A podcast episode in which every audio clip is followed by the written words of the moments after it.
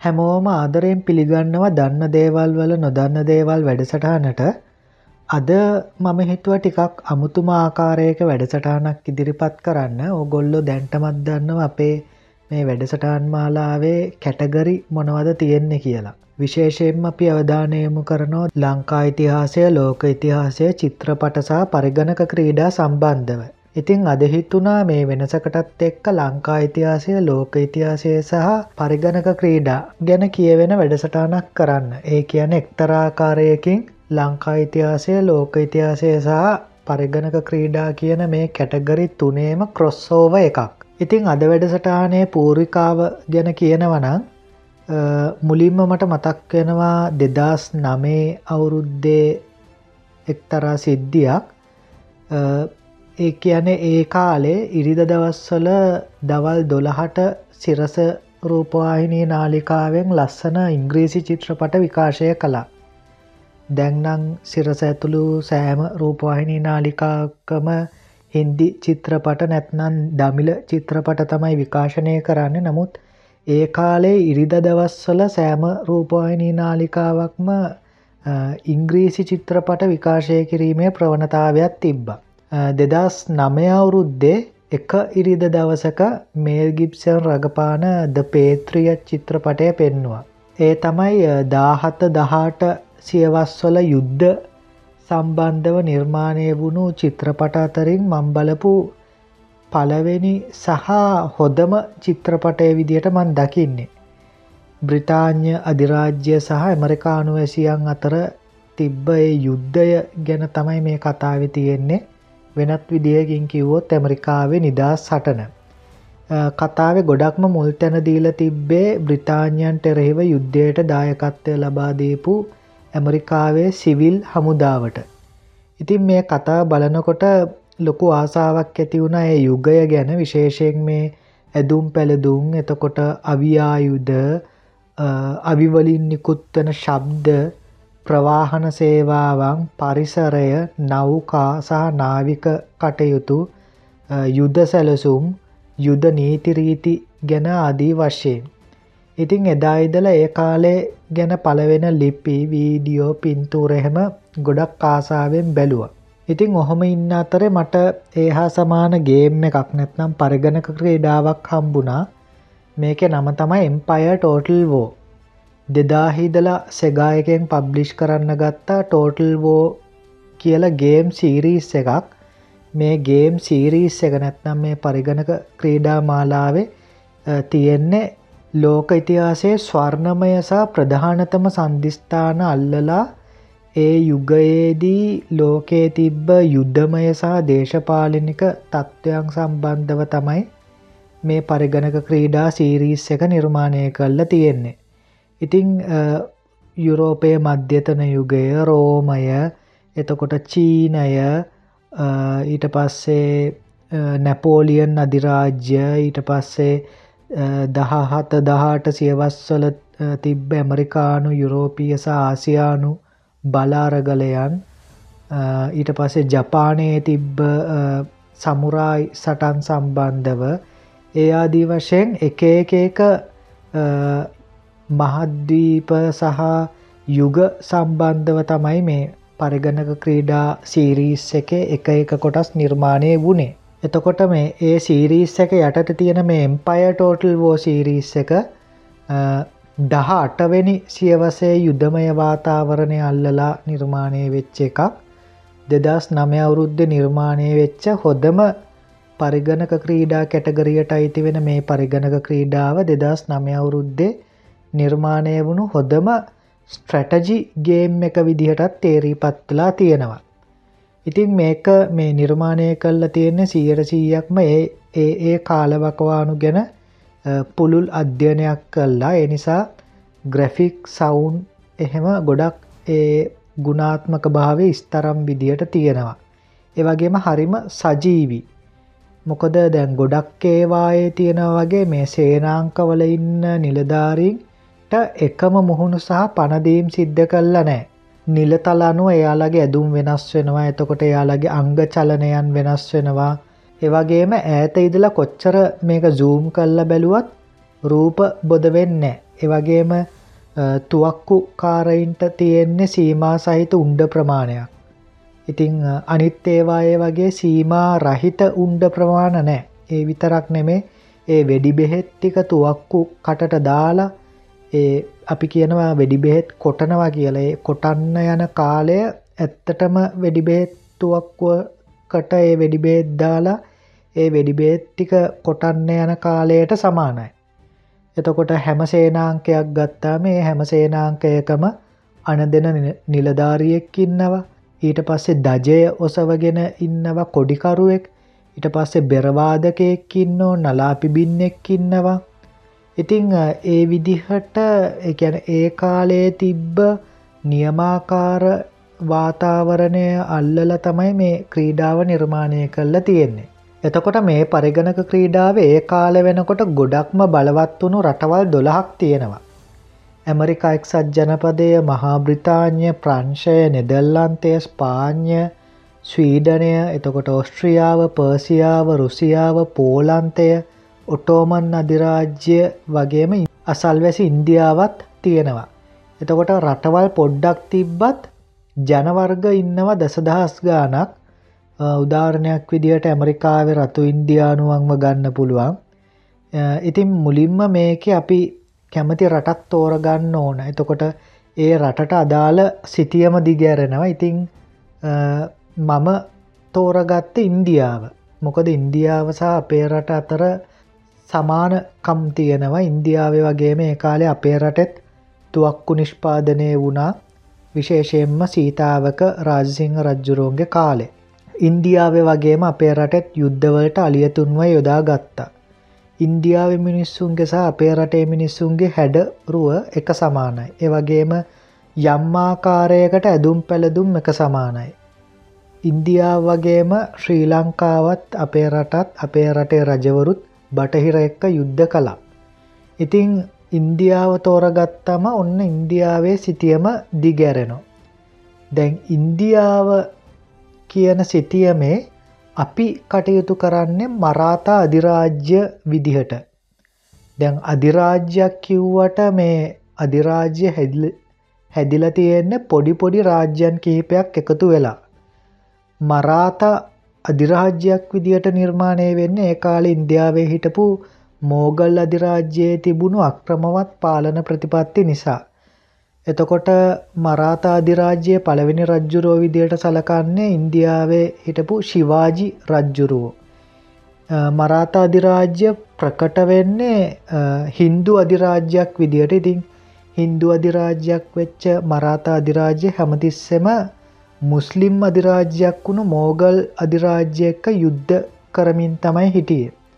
ආයුද්ධ සහ පිරිස් බලයෙන් සන්නද්ධ වෙලා හිටපු නිසා මරාතාවන්ට පුළුවන් වෙනවා මෝගල් අධිරාජ්‍ය විනාශ කරලා දාන්න වගේම මෝගල්ලාගෙන් බලය ලබාගන්න මරාත අධිරාජ්‍ය එක්දා සටසිය දහට ඉන්දියාව බ්‍රිතාන්‍යයට යටත් වෙනකම්ම දේශපාලනය හොබවනවා. මේ අධිරාජ්‍යය බලය සමස්ත ඉන්දියාවෙන්ම හතරෙන් තුනක ප්‍රදේශයකට පැතිරලා ගිහින් තිබ්බ කියල තම ඉතිහාසය සඳහන් වෙන්න එතකොට අපි දන්නවා ඉන්දියාව කියන ලංකා වගේ හැටගුණයක් විතර විශාල රටක් එතකොට මේ ලංකා වගේ හැටගුණයක් විශාල රටේ හතරෙන් තුනක බලය තිබිල තියෙන්නේ මරාත අධිරාජ්‍යයට. එතකොට සම්ප්‍රදායට එතකොට සංස්කෘතියට ආගම දහමට ගරුකරපු පිරිසක් විදියට මරාතාවන් ප්‍රසිද්ධයක් කුසුලලා තියෙනවා. එතකොට මේක ඉන්දයානු සිටියම ගත්තොත් දැම් මේ පින්තූරයේ පෙන්නන විදිහට තමයි බලය බෙදිල ගිහිල්ල තියෙන්නේ අපි මේ පරිගණක ක්‍රීඩාව පටන් ගන්නකොට දැල්ලා කොළපාටට තියෙන්නේ මරාතා අධිරාජ්‍යය බල ප්‍රදේශය තැබිලි පාටට තියෙනව ලන්දේසින් අල්ලගත්ත ප්‍රදේශයක් මේක ඇත්තටම මනක්කල්පිත සිද්ධියක්සා සිටියමක් රෝෂපාටට තියෙන්නේ මයිසූර් රාජ්‍යයේ බල ප්‍රදේශය. එතකොට අනිත් ඔක්කොම ඒ ගැන තද කොළපාටෙන් තියෙන්නේ මෝගල් අධිරාජ්‍යය බල ප්‍රදේශය. එතකොට මේ පරිගණක ක්‍රීඩාවේ අරමුණ තමයි මුළු ලෝකයේ තියෙන සේරම රටවල් ගැන රටවල් පහළවම යටත් කරගන්න එක. හැබැයි දැල් ලෝකයේ ඔක්කොම රටවල්ටි කල්ලගන්න කලින් තමන්ගේ රටේ බලයල්ල ගන්න ඕනනේ ඉතිං මේ යුද්ධයත් පළවෙනි පියවර තමයි සමස්ත ඉන්දියාවේම මරාතාධිරාජ්‍යයේ බලය පිහිටුවන එක දැම් මේ පරිගණක ක්‍රීඩාවේ මංකිව මේ මුලින්ම අපි ඉන්දියාව තෝරගත්තු නිසා ඉන්දියාව සිතියම දිගැරෙනවා කියලා. ද අපි මේකේ කටයුතු කරන්නේ මරාතා අධිරාජ්‍යය පාලකයා විදිහට. දැන් මේ සිතියම දිගැරලා තමයි අපි අපේ දේශපාලනික තීන්දුසා තීරණ ගන්න ඕන. අපි ගන්න හැම තීන්දුවක්ම අධිරාජ්‍ය අනාගතයට ලොකු බලපෑමක් එකතු කරනවා. අවස්ථාවනුව හරිතීරණයක් ගත්තොත් ඒක අධිරාජ්‍යයේ පැවැත්මටයි ව්‍යාප්තියටයි හේතු වෙනවා වැරදි තීරණයක් ගත්තොත් ඒක අධිරාජ්‍යයේ පරිහානියට සහ විනාශයට හේතු වෙනවා. ඉතින් මෙතෙන්දි අපි කටයුතු කරන්න ඕන ගොඩක් හිතලා බලලා. එතකොට අපිට පුළුවන් අසල්වැසි රාජ්‍යන් එක්ක සාමගිවිසුම් අත්සං කරන්න. එහෙම සාමගිවිසුමකට කැමති කරවගන්න එක එක එක ක්‍රම තියෙනවා. ඒ කියන්නේ යම්කිසි පරිත්‍යාග කිරීමක් අපිට කරන්න පුළුවන්. දැන් තමන්ගේ අධිරාජ්‍යයේ කොටසක් පවරන්න පුළුවන් වෙනත් රාජ්‍යයකට. එහෙම නැත්නම් වටිනා දෙයක් ඒ කියන්නේ රන් රිදී මුතුමැණික් බවභෝග වගේ දේවල් තෑගි කරන්න පුළුවන්. එහෙම නැත්නම් මිල මුදල් දෙන්න පුළුවන්. ඒ අනුව තමයි සාමගිවිසුම් අත්සන් කරන්නේ. එහෙම අත්සන් කරාම අපිට පුළුවන් ඒ ඒ රාජ්‍යන් වලට පිවිසෙන්න සහ ඒ ඒ රාජ්‍යන් හරහා ගමන් කරන්න අපිට අවසර ලැබෙනවා. දැන් වෙළද ගිවිසුම් හරහත් මේ සාම ගිවිසුම් වලට එළබෙන්න පුළුවන් එතෙන්දි අපේ රාජ්‍ය ආර්ථිකයෙන් යම්කිසි ප්‍රතිශතක ප්‍රමාණයක් මාසිකව ඒ රාජ්‍යයට දෙන්න ඕන. ඉතින් ඒ හොදින් ආරාධනා කළොත් නැත්නම් අපිට පුළුවන් තර්ජනාත්මකවත් මේක කරන්න හැබැයි ගොඩක් වෙලාවල් වලදී එහෙම වුණොත් ඒක ලොකු යුද්ධයකින් තමයි කෙලවර වෙන්නේ. දැන් හැම රාජ්‍යයකම අනිවාර්ය අංග කිහිපයක් තියෙනවා ඒ තමයි කෙත්වතු හමුදා බලකොටු සහ ගොඩනැගිලි. ඒ වගේම විශ්වවිද්‍යාල වෙරළ බඩ ප්‍රදේශයක් නම් වරාය ඊට පස්සේ හමුදා කදවුරු ආදී වශයෙන් තියෙනවා. එතකොට ඒවට මුදල් දාලා වැඩි දියුණු කරන්න ඕන. එතකොට තමයි ඒවැය ප්‍රතිලාභ එන්නේ. වරායක් වැඩි දියුණු කළොත් නාවික හමුදාවක් ගොඩනගන්න පුළුවන්. ඒ හරහා ඈත රටවල් එක්ක වුණත් වෙළඳ ගනුදෙනු කරන්න පුළුවන්. ආර්ථික හුවමාරු කරගන්න වගේම තාක්ෂණය හුවමාරු කරගන්නත් පුළුවන්. දැන් මේ විශ්වවිද්‍යාල වැඩි දියුණු කළොත් අලුත් අවියායුධ නිර්මාණය කරන්න පුළුවන්. බලකොටු සහ ගොඩනැගිලි වැඩි දියුණු කරාම සතුරු ආක්‍රමණ වලට ඔරොත්තු දෙන විදියට ඒවා ශක්තිමත් වෙනවා. කදවුරු වැඩි දියුණු කළොත් ඒවායේ తాවකාලිකව හමුදා සේනාංක රඳවලා තියන්න පුළුවන්. කෙත්වතු වැඩි දියුණු කළොත් ඒවායෙන් ආර්ථිකය ඒ කියන්නේ මුදල් වර්ධනය වෙනවා. ඒ වගේම ජනතාවගෙන් බදු අය කරලත් රාජ්‍ය භාණ්ඩාගාරය පුරවන්න පුළුවන්. කැමති නම් අපිට පුළුවන් මේ සාමාන්‍ය මධ්‍යම පාන්තික සහ ධනපති කියන තුන් වර්ගයට වෙන වෙනම බදු නියම කරන්න. ඒවගේම අනිත් පැත්තට එයාලට සහන සලසන්නත් පුළුවන්. එතකොට බාණ්ඩසා නිෂ්පාදනවල මිල ගණන් අඩු කරලා දාන්න පුළුවන්. ඉතිං හමුදාව තමයි අධිරාජ්‍යයේ පැවැත්මට හේතු වෙන වැදගත්ම සාධකය හමුදාවට අවශ්‍ය කරන සෙබලු බදවාගන්නත් යම්කිසි ආකාරයක වියදමත් දරන්න වෙනවා. අසල්වැසි සතුරු රාජ්‍යන් වලට හොරරහස ඔත්තුකරුවන් වයවන්න එතකොට මිනීමරුවන් වයවන්න නිදහස් චින්තකයන් වයවලා ඒ වෙනත් රාජ්‍යන් වල තියෙන දැනුම එක්රැස් කරගන්න ආගමික නායකයින් යවලා වෙනත් ජාතීන්ව හින්දුවාගමට පරිවර්තනය කරන්න ඊට පස්සේ ඒජන්තවරු යවන්න පුළුවන්. එතකොට මෙහෙයුමේ සාර්ථ මෙහෙයුම් සාර්ථක වුණොත් විතරයි යාලා පණපිටින් එන්නේ ඊට පස්සේ රාජ්‍ය සංවර්ධන ක්‍රියාවලිය සිද්ධ වෙන්න විනාඩි 20ක් වගේ කාලයක් යන එක වාරයකට නැත්නම් එක ටර්ම් එකකට. ඊට පස්සේ අපි එනවා හමුදා සේනාංක වලට හමුදා සේනාංක ගැන කතා කරනවා නම් සේනාංක ගණනාවක් ඉන්නවා. ඒ තමයි දැන් අපි මම ඉන්නේ මරාතා අධිරාජ්‍යයේ. එතකොට මරාතා අධිරාජ්‍යය ගත්තම ඒ පාබල හමුදාවක් ඉන්නවා කාලතුවක්කු සේනාංකය ඉන්නවා. ඊට පස්සේ අලියත් සේනාවක් ඉන්නවා අසරු සේනාව ඊට පස්සේ ඔට්ටු සේනාවක් ඉන්නවා. ඉතිං මේ විදියට එක එක එක සේනාංක ඉන්නවා. කෙටියෙන් හඳුන්වාදීමක් කරනවනං බර්ගීර් තුවක්කුකාරයෝ එතකොට හින්දු තුවක්කුකරුවන් සීක් තුවක්කුකරුවන් කුර්දිශ් හමුදාව සිවිල් හමුදාව ඇෆ්ගන් හමුදාව ඊට පස්සේ තවත් සිවිල් හමුදාවක් ඉන්නෝ. දැන් කලින් කිව්වේ අපි කාන්තාරය ඉන්න ජනකොට්ටාශ ගැන. මෙතන දැන් දෙවනියට හදුන්නපු සිවිල් හමුදාව ඇත්තට මේ සමන්විත ඉන්න ගොවි ජනතාව. ඊට පස්සේ කැරලි කරුවෝ ඉන්නවා. ඊට පස්සේ හින්දු අසිපද්ධාරීන් ඉන්නවා සීක් අසිපද්ධාරීන් ඉන්නවා ඊට පස්සේ ඔටු සේනාංක දෙකක් තියෙනවා එක සේනාංකයක අසිබත් අසිපද්ධාරින් සහ අනිත් සේනාංකයේ තුවක්කුකාරයෝ ඉන්නවා.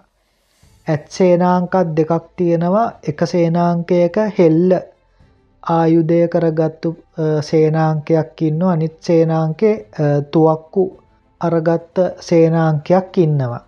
සිපාහි සේනාංකය තියෙනවා රාජකීය ආරක්ෂකයෝ ඉන්නවා. පින්ඩාරි අශ්වාරෝහකයින් ඉන්නවා. සිල්ලද්ධර් අශ්වාරෝහකයින් ඉන්නවා. රාජ්පුත් අශ්වාරෝහකයෝ ඊට පස්සේ බරුවාදීර් අශ්වාරෝහකයෝ.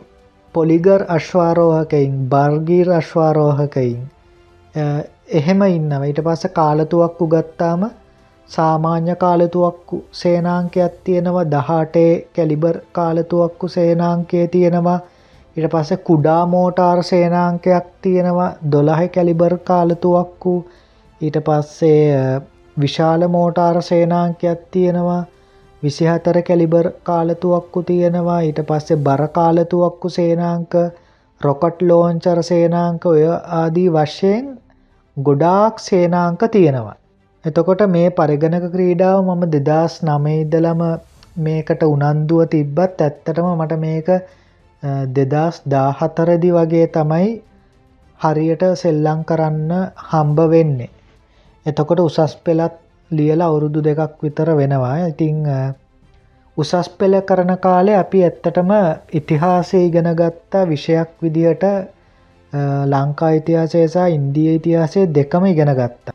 එතකොට ඉතිහාසය කියල කියන්න ඇත්තටම හරි පුදුමාකාර දෙයක් ඒ මොකද කියනවනම් ඉතිහාසයෙන් අපිට ගොඩක් පාඩම් ඉගෙන ගන්න පුළුවන්. ඒ පාඩම් වලින් ලබාගන්න අත්දැකීම් හරහා අපිට වර්තමානය සහ අනාගතය සාර්ථකව ගොඩනගන්න පුළුවන්. මොකද ඉතිහාසය කියන එක නැවත නැවත සිද්ධ වෙනවා. දැන් අපි මේ පහු කරන හැම තත්පරයක්ම ඉතිහාසයට තමයි අයිති වෙන්නේ. ඉතින් ඉතිහාසයෙන් අපිට ඉගෙන ගන්න තියෙන පාඩම් නිසා රෑ වැටුණු වලේ දවල්ට වැටෙන්න තියෙන ඉඩවකාශය බෝදුරට අඩුයි. එකැන අපි ඒ පාඩම හරියට ඉගෙන ගත්තොත්. ඉතින් මේ පරිගණක ක්‍රීඩාව සෙල්ලං කරද්දි මට හිතුණා අපි ඉතිහාසය ඉගෙන ගන්න කාලේ අපේ නිමා රණසිංහ ඉතිහාස ගුරුතුම ගුරුතුමා අපිට කියල දීපු ඉතිහාස පාඩං උපයෝගී කරගෙන ඒ අනුව යමින් මුළු ඉන්දියාවේම බලය අත්පත් කරගන්න. දැන් ඉතිහාසයේ තියෙන විදියට ඉන්දියාවේ හිටපු ධර්මාශෝක අධිරාජ්‍යයි ලංකාවෙ හිටපු ඔය දේවානම්පිය තිස්ස රජ්ජුරුවයි කියන්නේ නොදුටු මිත්‍රයෝ විදියට තමයි සලකන්නේ. මේ දෙන්න මේ ලියවුම් වලින් තමන්ගේ අදහස්සා පණිවිඩ හුවමාරු කරගත්තත් කවදාවත් දැකලවත් කතා කරලවත් නෑ. ඉතිං දවසක් මේ දේවානම්පිය තිස්ස රජ්ජුරුවෝ එහෙම නැත්නම් මේ තිස්ස රජ්ජුරුවෝ තමන්ගේ බෑන කෙනෙක් වෙච්ච අරිට්ට ඇමතිවරය ප්‍රමුඛ දූත පිරිසක් ඉන්දියාවට යවනවා. මෙහෙම යවන්නේ අශෝක අධිරාජ්‍යයාගේ මාලිගාවට මේ කැවිල්ලා රාජ්‍යතාන්ත්‍රික සම්බන්ධතාවයක් ගොඩනැගීමක්. එතකොට අපේ වංශ කතාවල තියෙන විදියට තිස්ස රජ්ජුරුව මේ කණ්ඩායම ඉන්දියාවට පිතත් කරන්නේ දේශපාලනික වශයෙන් රටවල් දෙක අතර තියෙන සම්බන්ධකම මිත්‍රත්වය පුළුල් කරගන්න. හැබැයි අද ඉතිහාසය විශ්ලේෂණය කරන සමහරක් ඉතිහාසඥයන් මේ මතයට වඩා හාත්පසින්ව වෙනස් මතයක් ඉදිරිපත් කරනවා. ඇත්තරම මෙතන මත දෙකක් ඉදිරිපත් කරනව එකක් තමයි පහරදීමට පෙර යටත්වීම හෙමනැත්නම් තමනුත් බලවතෙක් යැයි හැගවීමට දැන් අශෝක රජ්ජුරුව කියලා කියන්නේ ඇත්තටම මෞර්ය අධිරාජ්‍යයේ තුන්වැනි පාලකයා අශෝක රජ්ජුරුවන්ට කලින් හිටපු චන්ද්‍රගුප්ත බින්දුසාර වගේ රජවරු ඉන්න කාලෙත් දැන් ඔය කාලිංගය තිබුණා. හැබැයි ඉන්දියාවේ ලොකුම අධිරාජ්‍යය ගොඩනගපු චන්ද්‍රගුප්ත එතකොට බින්දුසාර වගේ රජවරු කාලිංග දේශය ආක්‍රමණය කරන්න ගියේ නෑ. මොකද කාලිංගය කියන්න බොහොම සාමකාමී රාජ්‍යයක් එයාලා තමන්ගේ වැඩක් බලාගෙන පාඩුවේ ජීවත් වුණා. එනිසා මගදයට ඒ අගෙන් අංශුමාත්‍රයකවත් තර්ජනයක් තිබ්බෙ නැහැ. හැබැයි අශෝක රජ්ජුරෝ සිංහාසනයට පත්වුණු ගමන් මේ මුලින්ම කරන්න මේ මගද රාජ්‍යයට යටත් වෙලා නැති මගදය යටත් කරගෙන නැති සියලුම රාජ්‍යන්ටිකට ගහන්න ගත්ත එක. එහෙම ගහගෙන ගහගෙන ගාගෙන යටත් කරගෙන කරගෙන ඇවිල්ලා අශෝක රජ්ජුරුව නතර වෙන්න කාලිංගයෙන්. එතකොට අශෝක රජ්ජුරුවෝ කාලිංගයත් ආක්‍රමණය කරන්න තීරණය කරනවා ඊට පස්සේ ආක්‍රමණය කිරීම ක්‍රියාත්මක කරනවා. ඉතිං තමන්ට තිබ්බේ බල ලෝබීත්වය නිසා අන්තිමේදි මේක ලොකු ලෝක ඉතිහාසය සිද්ධ වෙච්ච දරුණුතුම සටනක් විදියට සිද්ධ වෙනවා මේ සටන කොච්චර දරුණුවට ගියාද කිව්වොත් අන්තිමේදී අශෝක රජ්ජුරුවන්ව ඒ කාලේ චණ්ඩාශෝක කියල තමයි හඳුන්වන්න ගත්තේ. ඉතින් මගදේ ආක්‍රමණයෙන් බේරෙන්න කාලින්ගේ සාමාන්‍ය මිනිස්සු විටන් ආයුධතට ගත්ත කියල වාර්තා වෙනවා යුද්ධයෙන් ලක්ෂයකට වඩා ජීවිත ගානක් විනාශ වෙලා තියෙනවා ලක්ෂයක් තුවාල ලබනකොට තව දසදස් ගානක් කනවැන්දුම් වෙලා තියෙනවා. දරුවන්ට දෙමාපිය අහිමි වෙලා තියෙනවා එතකොට ඒ වගේ සිද්ධි ගොඩක් අන්තිමේදී අශෝක රජ්ජුරුවයිටන් ලොකු කම්පනයකට නැත්න ශොක්්‍යකට පත්වෙනවා මේ යුද්ධයෙන්. ඉතිං මේ යුද්ධයෙන් විනාශ වෙලා ගියපු දේපල සහ ජීවිතවල වටිනාකම තක්සේරු කරන්න බෑ කියල තමයි ඉතිහාසඥයන් කියන්නේ. ඉතිං දැම් මේ සිතියම ගත්තොත් මේ සිතිය මිනුත් පෙන්නලා තියෙන්නේ අශෝක රජ්ජුරුව මුළු උතුරින්දියාවම යටත් කරගෙන තියෙනවා. ඉතින් මේ විදිහේ බලලෝබීත්වයකින් පෙළිච්ච අශෝක රජ්ජුරුවෝ ලංකාවටත් මේ වගේම දරුණු ආක්‍රමණයක් එල්ල කරන්න බැරිකමක් නෑමකොද රටවල් දෙක අතර තියෙන අවමදුරත් කිර්ලෝමීටර් තිස් දෙකයි. ඉතිං ඒ නිසා ඉතිහාසඥයෝ කියනවා අශෝක රජ්ජුරුවෝ අපිට ගහන්න කලින් එකැන ලංකාව යටත් කරගන්න කලින්ම අපේ රට මගදය එක්ක මිත්‍රයි මගදයට පක්ෂපාතිී මගදයට උදව් කරනවා කියලා පෙන්නන්න තමයි ඒ කණ්ඩායම යවන්න කියලා. එතකොට ඒක එක්තරාකාරයකින් පහරදීමකට පෙර යටත්වීමක්. එවගේ මනිත් මතය තමයි තමුණුත් බලවතෙක් කියලා පෙන්නන එක. දැන් රටක් ලෝකයක් හොල්ලපු අශෝක වගේ රජ කෙනෙක් නැත්නම් බලවත් පාලකයෙක් එක්ක සම්බන්ධතාවයක් පවත්වනා කියන්නේ ඒකෙන් පේන තමනුත් ලොකු බලවතෙක් කියන එක. ඒකෙන් අපේ රටේ මිනිස්සුන්ට ඒක ඒත්තු ගන්වන්න පුළුවන් ලෝකෙ අනි රටවල් වලට ඒත්තු ගන්වන්න පුළුවන්. දැම් බලවත් කෙනෙක් එක්ක ඉන්නකොට සමාජයෙන් වුණත් එන්න තියෙන තර්ජන ගර්ජන අඩුයි. ඒවගේම තමන්ටත් පිළිගැනීමක් ලැබෙනවා. එතකොට දැන් අපි නැවතත් මේ එම්පය ටෝටල් වෝ කියන පරිගණක ක්‍රීඩාවේ මේ මම කටයුතු කරන මරාතා අධිරාජ්‍යයට ආවොත් දැ මේ පරිගණක ක්‍රීඩාව අනුවගත්තොත් ඇත්තටම මෙතන මේ ලන්දේසින් හරිම දුරුවලයි. එයාලා හරියට ඉන්දියාවට අඩිය තිබ්බ විතරයි වගේ තත්ත්වයක හිටියේ නිසා මුලින්ම මං කළේ ලන්දේසීන්ට ගහල යාලගේ බල ප්‍රදේශය අල්ලගත්තු එක. දැන් අපිට අභියෝගයකට කියලා තියෙන මේ රාජධානි දෙකයි එකක් තමයි මෝගල් අනිත් එක මයිසූර් මයිසූර්ල බලය අතින් අපි හා සමාන තත්ත්වයක තමයි හිටිය. දැන් මේ වෙනකොට මයිසූරුවරුසා මෝගල්ලා අතරේ ලොකු යුද්ධයක් යනවා. මොන සාම ගිවිසුමක්වත් අත්සං කරන්න මෝගල්ල කැමති නැහැ එනිසා මෙතැන්දි කළේ මයිසූර් රාජධානියත් එක්ක සාමගිවිසුමක් අත්සං කරපු එක. ඒත් එක්කම මයිසූර් රාජධානය අපේ මිත්‍ර රාජධානයක් වෙනවා මෙතෙන්දි මං අපේක්ෂා කරේ පහරදීමට පෙර යටත්වීමක්. එවගේම නීතිමා ක්‍රමය ක්‍රියාත්මක කිරීමක්. නීතිමා ක්‍රමය ගැන සඳහන් වෙනවා මහාවංශයේ නීතිමා ක්‍රමය කියන්නේ යුද්ධ සැලසුමක් මේ මහාවංශය දීර්ගව විස්තර කරපු වන්සත් අප්පකාසිනය තියෙනවා නීතිමා ක්‍රමය විස්තර කල්ලා ඒක තියෙන තල්පතකින් තල්පතක් සිරින්නාසේ සතුරාගෙන් සතුරා විනාශ කිරීම කියන යුද උපක්‍රමය දැම් මේ යුද උපක්‍රමය ගැන හන්න ලැබෙනවා අපිට වලගම්බා රජ්ජුරුවන්ගේ කාලයේදී තමන්ට හිමිවෙන්න ඕන රජකම ලබාගෙන සිංහාසනය ඉදගෙන හුස්මක් ගන්නවත් වලගම්බා රජ්ජුරොන්ට අම්බවෙන්නේ විශාල අභියෝග දෙකකට එක පාර මුහුණ දෙන්න සිද්ධ වෙනවා. එක පැත්තකින් දෙමළ සෙන්පතියු හත් දෙනෙක් විශාල ද්‍රවිඩ හමුදාවක් එක්ක අපේ රටට ආක්‍රමණයක් එල්ල කරනෝ මේක සද්‍රවිඩ ආක්‍රමණය කියලා හදුන්වනවා තවත් පැත්තකින් තීය කියල බ්‍රාහ්මණය රජ්ජුරෝන්ට විරුද්ධව විශාල කැරැල්ලක් ගෙනියනවා. එතකොට මේ අභියෝග ඔක්කොටම එක පාර මුහුණ දෙන්න කොහොමද කියලා හිතපු වලගම්බා රජ්ජුරුවන්ට තීය බ්‍රාහ්මණයගෙන් පනිවිඩයක් එනවා අපි අද අගනුවර වටලල්ලා තමුසේ විවරයක් කරනවා හෙට උදේලිය වෙනකොට එකයන එලිය දකින්න තමුසේ ජීවත්වෙලා ඉන්න නෑ හෙට මන් තමයි සිංහාසනය වාඩි වෙන්න කියලා තීය බ්‍රාහ්මණය වනව වලගම්බා රජ්ජුරුවන්ට පනිවිඩයක්.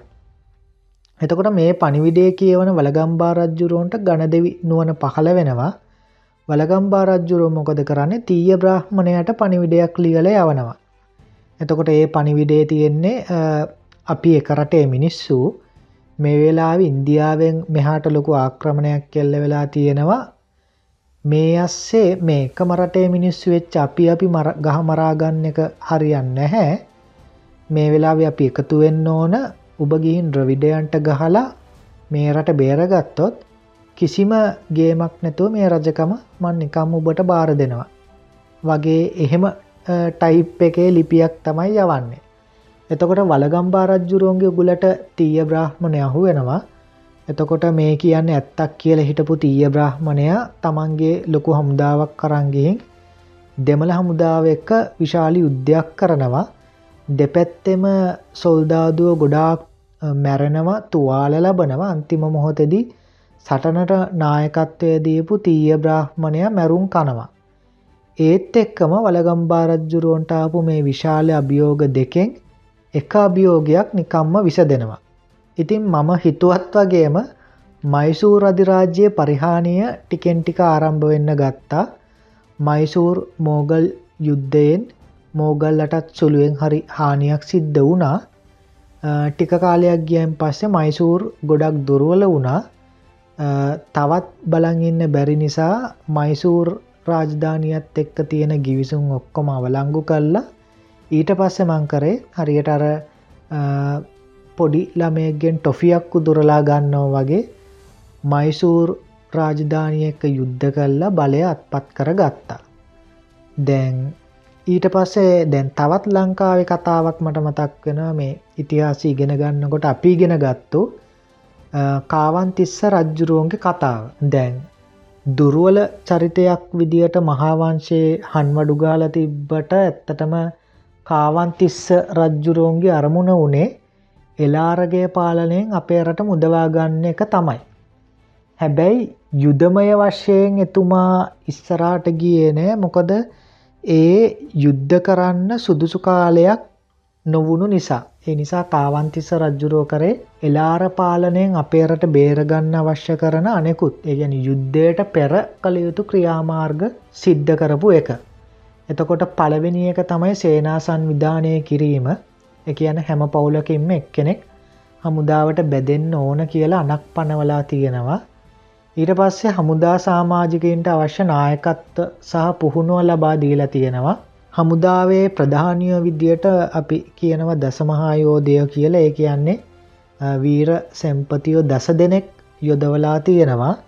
ආයුධ නිෂ්පාදනය කරන්න හැම ගමකම ආයුධකම් හල් ස්ථාපිත කරලා තියෙනවා.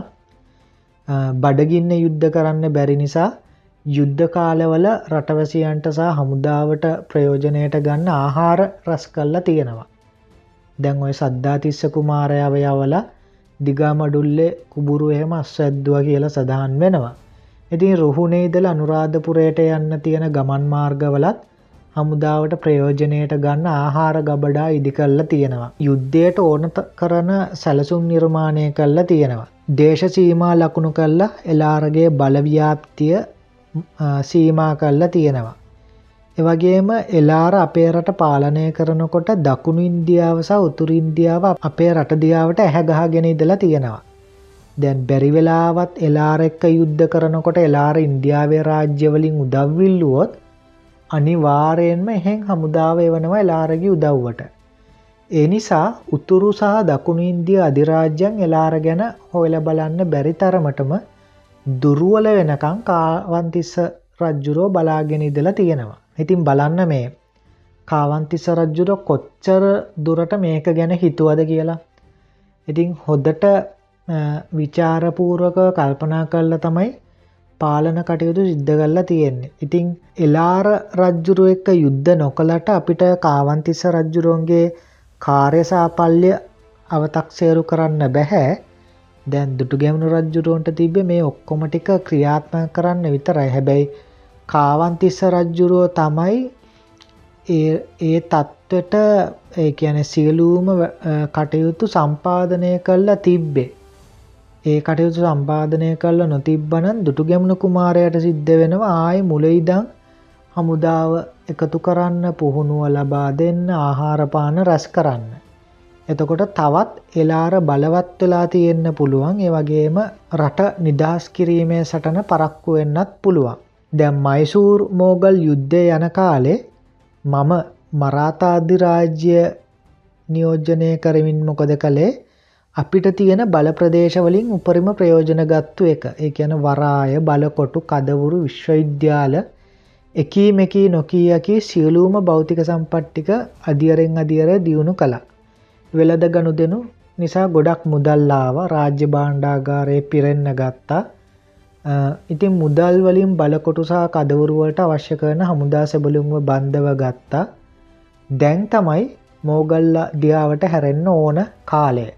දැන් මේ වෙනකොට මරාතාජිරාජ්‍යයට ප්‍රාන්ත පහක බලය තිබ්බා හැබැයි ඉතිරි ප්‍රාන්ත දාහතරම බලය තිබ්බ මෝගල්ලට දැම් භූගෝලිය පිහිටීමනුව මෝගල්ලාගේ බලයෙන් වැඩිහරියක්ම තිබ්බෙ ගිරි වන ජලදුර්ග සහිත ප්‍රදේශවල. ඒ නිසා මෙයාලට පිහිටීමතින් ගොඩක් වාසි. මේ වෙලාවෙ මට ඇත්තටම මතක් වුණා මේ මහාවිජේබාව රජ්ජුරුවන්ගේ සැලැස්ම මහා විජය බහුරජ්ජුරුවන්ගේ කාලය රජරට අල්ලගෙන හිටිය චෝලයින් චෝලයින්ගෙන් අපේ රට මුදවගන්න විජයබාහු රජ්ජුරුවෝ දවස් ගානක් තිස්සේ වෙහෙස මාන්සි වෙලා ලොකු හමුදාවක් හදනවා ඊට පස්සේ ලොකු සැලසුමකුත් හදනවා. මේක චෝලපාලන ප්‍රදේශ ගැන ලොකු අධ්‍යනයක් කල්ල සූක්ෂමව නිර්මාණය කරපු සැලැස්මක් සැලැස්මට අනුව හමුදාව පොළොන්නරුවට යවන්නේ එක පැත්තකින් නෙවේ තුන් පැත්තකි. එක හමුදා කණ්ඩායමක් මහානාගහුල ඉදල මාගම හරහා පොළොන්නරුවට යවනවා. අනිත් කණ්ඩායම මහානාගහුල ඉදලා වලවේගග තරණය කළ මහියංගනය හරා කෙලින්ම පොළොන්නරුවට ඇතුල් වෙනවා. අනිත් කණ්ඩායම පොළොන්නරුවට යන්නේ අනුරාධපුරය හරහා. අනුරාධපුරයට ඇතුල් වෙනකොට ඒ කණ්ඩායම කොටස් දෙකකට බෙදෙනවා. එක කණ්ඩායමක් එතනින් හැරිලා මහාතිත්ත වරාය තියෙන තැනට යනවා. එතන තමයි චෝල හමුදාව ඉන්දියාව එක්ක සම්බන්ධය තියාගෙන හිටියේ. එක යනේ ඉන්දියාවේ චෝලධිරාජ්‍යයෙන් එන ඔක්කොම සැපයුම් එකන නෞකා මගින් සැපයුම්ෙන් එතෙන්ට. එතනින් තමයි ඒව පොළොන්නරුවට ප්‍රවාහණය කෙරෙන්නේ ඉතින් ඒ කණ්ඩායම එතන ඉන්න චෝල හමුදාවට නැත්තටම නැතිවෙන්න ගහලා එතන පාලන බලය අරගෙන ඉන්දියාවෙන් එන නැව් ගැන අවධානයෙන් ඉදලා තියෙනවා. අර අනිත් කණ්ඩායම අනුරාධපුරයාරා කෙලින්ම පොළොන්නරුවට ඇතුල් වෙනවා. එත්තකොට මහානාගහුල ඉදලා මහියංගනයාරා කෙලින්ම යන හමුදාවත් එක්ක තමයි විජේභවකුමාරය ගිහිල්ල තියෙන්නේ. ඉතින් මෙහෙම ගිහිල්ලා චෝලයින්ගේ ප්‍රධාන මූලස්ථානයට එක පාට්ටම වටලලා ප්‍රහාරයක් එල්ල කරනවා මූලස්ථානය වට කරලා තියෙන නිසා චෝලයින් මූලස්ථානය හිරවෙනවා මුලදී එලියට ඇවිල්ල සටන් කරත් සටනට යන හැමෝම මැරෙන නිසා කරන්න දෙයක් නැතුව චෝල හමුදාව බලකොටුවේ ප්‍රධාන දොර වහනවා. මේ විදියට සති හයක් චෝල හමුදාවක් බලකොටුවක් අස්සේ හිරවෙලා ඉන්නවා. තියෙන කෑමබීම එහෙම ඔක්කොම ඉවර වෙලා චෝල හමුදාව හෙම්බත්වෙනවා ඊට පස්සේ විජයබව් කුමාරයා කටයුතු කරනවා. කණ්ඩායන් තුන එක්කම බලකොටුව ගේට්ටුවත් කඩාගෙන ඇතුල්ට කඩාගෙන වැදිලා මේ අය එක්ක සටන් කල්ලා මේ අය විනාශ කරන්න. ඉතිං මේ මහා විජයබව කුමාරයාගේ මේ සැලස්ම දෙදස් අටේ අවුරුද්ධද ගොඩාක් කතා වුණ. ඔගොල්ලොන්ට මතක ඇති තොප්පිගල මුදවා ගැනීමේ මෙහියුම. එහෙමනැත්න අපේ ඔපරේෂන්ස් බෑරන්ස් කැප් කියලා හැදින්නෙව්වා අපේ හමුදාව. ඉතින් ඒ ශ්‍රී ලංකා යුද්ධ හමුදාවේ තොප්පිගල මුදවා ගැනීමේ සැලසුමත් මේ හා සමාන සැලසුමකට තමයි ක්‍රියාත්මක කරේ. ඉතිං කොහොමහරි ඔන්න දැම් මරාතාධිරාජයෙන් මෝගල්ලට එරේව පළවෙනි වෙඩිමුරය තුවෙන්න ගත්තා. ඒ අනුව මෝගල්ලාගේ ප්‍රාන්ත හතරක් එක දිගට අපි අල්ල ගත්තා. ඊට පස්සේ ඔන්න මහාවිජේභා රජ්ජුරුවන්ගේ වටකර පහරදීමේ සැලස්ම ක්‍රියාත්මය කල්ලා මරාතා අධිරාජයෙන් මෝගල්ලට එරේව එල්ල කරන ප්‍රහාර සියදහස් ගුණයකින් වැඩි කරා. ඔන්න දැන් අපි ප්‍රාන්ත නමයක බල ස්ථාපිත කරලා තියෙනවා මෝගල්ලගේ බලය ප්‍රාන්ත දහයකට සීමා වෙනවා. දැන් ඕනම දෙයක් අරගන්න එක ලේසි හැබැයි ඒදේ අරගත්තු දේ රැකගන්න එක අමාරුයි. දැන් ප්‍රාන්ත නමයක් අල්ලගත්තට මෝගල්ලගෙන් ඉතිරි ප්‍රාන්ත දහය අල්ලගන්න ගමන් අර අල්ල ගත්ත ප්‍රාන්ත නමය අපි රැකගන්න ඕන. මොකද අපි අල්ලගත්ත පලාත්වලටත් මෝගල් අධිරාජ්‍යය කුඩාසා මධ්‍ය ප්‍රමාණයේ හමුදා සේනාංකවලින් ආක්‍රමණ එල්ල වුණා. දැන් සමහරක් කලාවල්වල්දී අල්ලගත්ත ප්‍රාන්ත එකක් දෙකක් විතර අපිට නැති වුණා. හැබැයි ආයිත් ඒවයේ බලය ස්ථාපිත කරගන්න පුළුවන් වුණා. දැන් අරඥායම මේ විදියට කියන්නත් පුළුවන්. දැන් ඕනම දෙයක් විනාශ කරන්න ලේසි ඒත් හදන්න අමාරුයි. දැන් මේ නිසා දැ මෝගල් බලකොටු අල්ලගන්නකොට වෙන විනාශය පුළුවන් තරම් අඩු කරන්න උත්සාගත්තමං. දැම්මොකද බලකොටු අල්ලගත්තයින් පස්සේ ඒ ප්‍රාන්තය ආරක්ෂාවෙනුවෙන් ඒ බලකොටුව අපිටම ආයි ගොඩනගන්න වෙනවා දැන් එහෙම වුණොත් විශාල මුදලක් වැය වෙනවා ඉතිං බලකොටුවලට එල්ල කරන ප්‍රහාර කාලතුවක් ප්‍රහාරයම මේ පරිගණක ක්‍රීඩායදී මම නතර කර. දැන් අරහෙම කළොත් කැඩුණු බිදුණු දේවල් හදහදා ඉන්නවා මිසක් අපිට අලුතෙන් යමක් හදාගන්න බැරි වෙනවා. තැන් මහා විජයභාව රජ්ජුරුවන්ට වනේ ඒක. මහා විජයභාව රජ්ජුරුව බලයට පත් වනයින් පස්සේ චෝලයින් රජරට විනාශ කරලා තිබ්බ වැවසා ආගමික සිද්ධස්ථාන ප්‍රතිසංස්කරණය කර කර හිටපු හිටිය මිසක් එතුමාගේ පාලන කාලය තුළ එතුමාට අලුතින් යමක් නිර්මාණය කරන්න අවස්ථාවක් හම්බුණේ නැති තරම්. ඉතිං මෝගල්ලාගේ බලකොටු ගොඩක් විශාලයි. ආරක්ෂාව හොදට සංවිධානය කරල තිබ්බා දැන් සාමාන්‍යයෙන් බලකොටු ඇතුළේ තමයි හමුදා සේනාංක ඉන්නේ. දැන් අපිට කැමති ප්‍රමාණයක් බලකොටුවෙන් පිටතට අරම් ප්‍රාන්තයට අයිති එක එක තැන්වල රදවන්න පුළුවන්. දැම් බලකොටුව ඇතුළෙන් තමයි හමුදාව නිර්මාණය වෙන්නේ ඉතිං ලොකු බලකොටුවකට ප්‍රහාරයක් දී ඇත් කළොත් ඒකෙන් අවාසය වෙන්නෙත් අපිට මොකද එක ප්‍රාන්තයක බලකොටුවක ඉදලා අනිත් ප්‍රාන්තයේ බලකොටුවටත් සෑහන දුරත් තියෙනවා. ඒ නිසා මරාතා සේනාංකවලට සෑහන දුරක් ඇවිදිගෙන යන්න ඕන. දැන් දාහක හමුදාවක් පිටත් වනොත් ගමනාන්තය වෙනකොට ඉතුරු වෙන සීයක් දෙසීයක්. මොකද මෝගල් බලකොටුවලින් පිටත රදවලා තියෙන මෝගල් සේනාංකවල ප්‍රහාරවලට මුහුණ දෙන්න වෙනවා.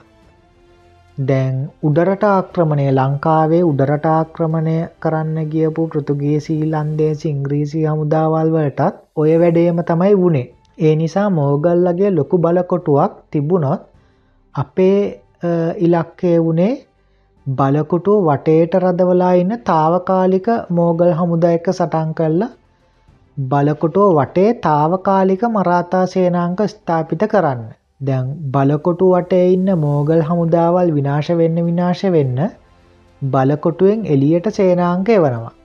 ඔහොම එවල එවල එවල බලකොටු ඇතුළ ඉන්න සේනාංක අඩු වෙලාවක් බලල බලකොටු ඇල්ලීමේ ප්‍රහාරය දියත් කරනවා. තැන් බලකොටුවෙන් පිට ඉන්න මෝගල් සේනාංකවලට පහරදීමේදී වැඩිවාසිය තියෙන්න අපිට මොකොද මෝගල් සේනාංකෙන්න අපි ඉන්න පැත්තට. ඒ නිසා යුද්ධ සැලසුමක් නිර්මාණය කරන්න අපිට කාලය තියෙනවා.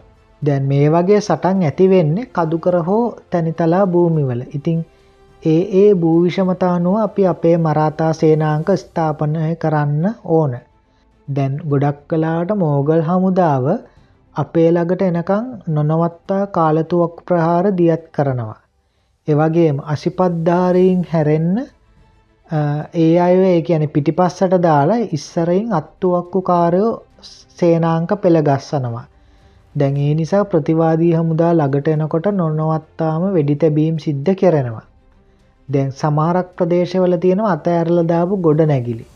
මේ ගොඩනැගිලි ඇතුළටත් සෙබළුන් යවන්න පුළුවන් ගොඩනැගිලි ඇතුළි ඉදං වෙඩි තියෙනකොට මෝගල්තුවක්කු කරුවන්ට අපිට වෙඩිතියන්න ඉලක්කය ගන්න අමාරුයි. ඊට පස්සේ මේ යුද්ධවලදි අන දෙන නිලධාරියාව ආරක්ෂා කරන්න ඕන. අන දෙන නිලධාරයන තවත් අශ්වාරෝවකින් විස්සක් විතට පිරිවරාගෙන අන දෙන නිලධාරය වෙනුවෙන් අශ්වාරෝහක සේනාංක දෙකක් ඉන්නවා. එතකොට අන දෙන නිලධාරිය මැරණවා කියන්නේ අපේ සේනාංකවල තියෙන උද්‍යෝගය සහ ධෛරය සීයට පහනාහකින් පහළ බහිනවා. හුගක් වෙලාවට ඒක සටන් පරදින්නත් හේතුවක් වෙනවා මොකොද ඒ නිසා සටන පටන් ගන්නකොටම අපි කරන්නේ අන දෙන නිලධාරය ඇතුළු අශ්වාරෝග සේනාංග ටික ටිකක් ඈතට යවනවා. එතකොට නායකය හිටියොත් රටාරක්ෂා වෙනවා රටරැකෙනවා නායකය කොයේ හිටියත් එයාට පුළුවන් අනාගතයේ කවදාහරි දවසක නැගිටලා සටන පටන් ගන්න. නායකය නැති වුණොත් මුළු රටම නැති වෙනවා. ඉතින් ඒ නිසා තමයි සතුරු ආක්‍රමණවලදි දුටුගෙමුණු සද්ධාතිස්ස වලගම්බා ධාතුසේන මහා විජයබාහු දෙවන පරාක්‍රම බව වගේ රජවරු නැත්නම් කුමාරවරුන්ට මිනිස්සු ආරක්ෂාව දුන්නේ. දැන් වලගම්බා රජ්ජුරුව අවුරුදු දාතරයි මාස හතක් ඒ කියන ආසන්න වශයෙන් අවුරුදු පහළවක් පලාගිහිල්ලා සැගවිලා සේනා සංවිධානය යෙදුනා.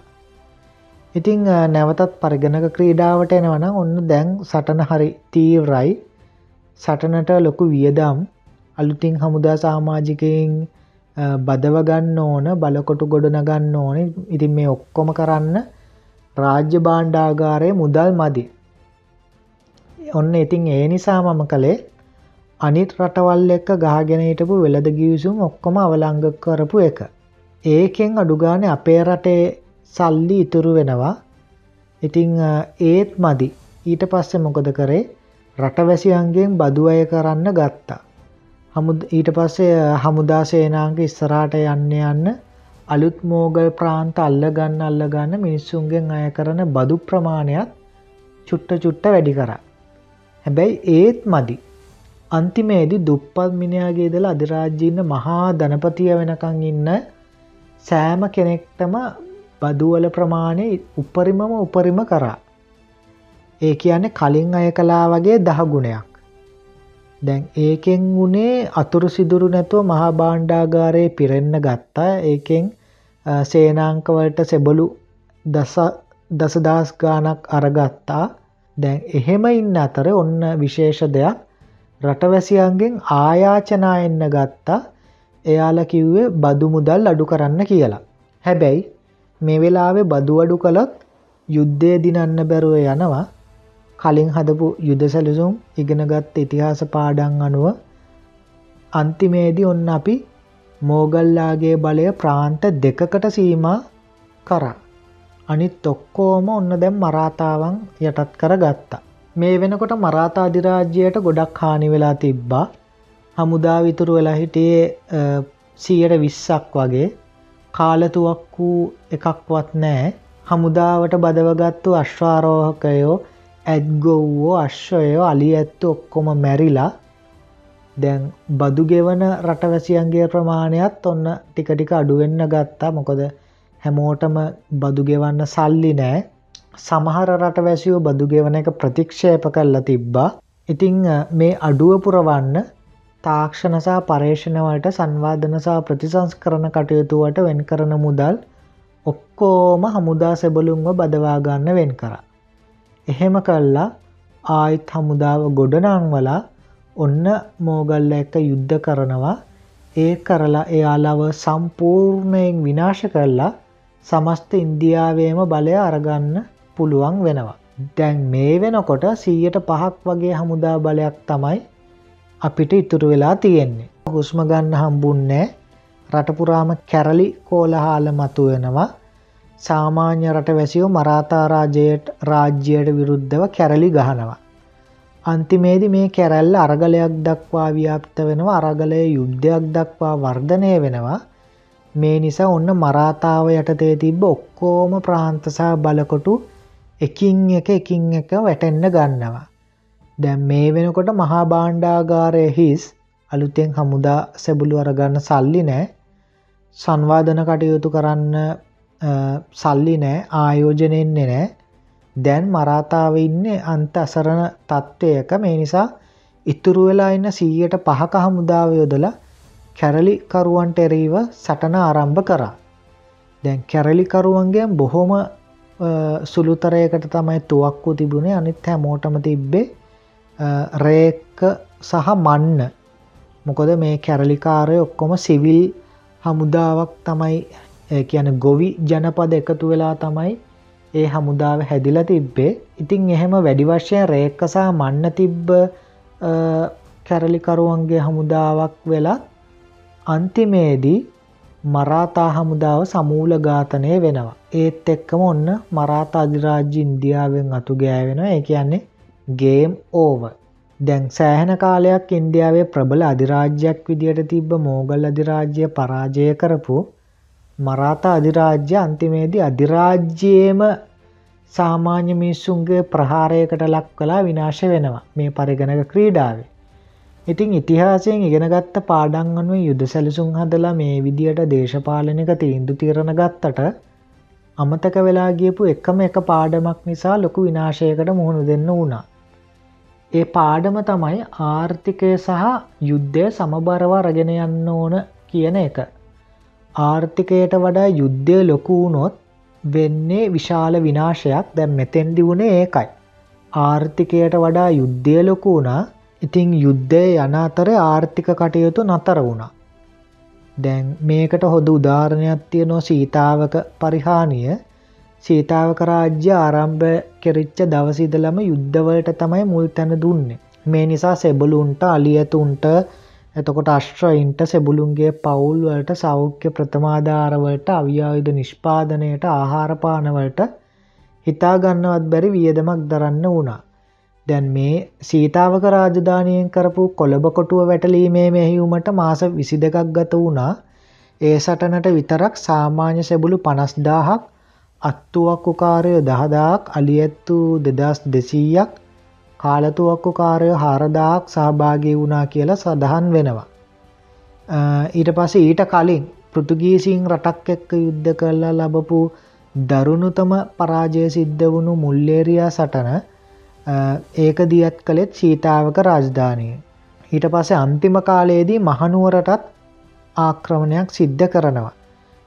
ඊට පස්ස සීතාවක රාජධානයෙන් තමයි ඒ කාලෙ තුවක්කු නිෂ්පාදනය පටන්ගත්ත සහ අපේ රටෙන් හදපු ස්තරම් තුවක්කු තරම් ස්තරන්තුවක්කු පෘතුගීසින් ලගවත් තිබ්බෙ නැහැ කියලා ලෝකයේ කිසිම රටකවත් තිබ්බෙ නැහැ කියලා සමහරක්කේ සමකාලීන පෘතුගීසීසා ප්‍රංශජාතකයින් පොත්තොල සටහන් තබල තියෙනවා. ඉතින් කොහොමහරි මේ යුද්ධය දිහාවටම හැරිලා හිටපු නිසා සීතාවක රාජධානී අනෙක් ශේෂ්‍ර බිදවැටුණ ආර්ථිකය බින්දුවට බැස්ස හම්බුවෙන සුළුවාදායමත් යුද්ධයට වියදන් කරා. සාමයට ආරක්ෂාට තර්ජන එල්ල වුණා. ඉතිං දීර්ඝකාලීන සටන් නිසා මිනිස්සු කලකිරුණ. ඊට පස්සේ යුද්ධවලට නායකත්වය දීපු සහ මේ ප්‍රමුකත්වය දීගෙනම් යුද්ධම කිරීම නිසා මේක සීතාවක පරිහානියට රිජුව බලපෑව කියල තමයි අපේ රට ඉතිහාසඥෝ කියන්නේ. ඉතින් මේකෙන් ගන්න තියෙන ආදර්ශය තමයි යුද්ධයක් තියෙනවන යුද්ධය.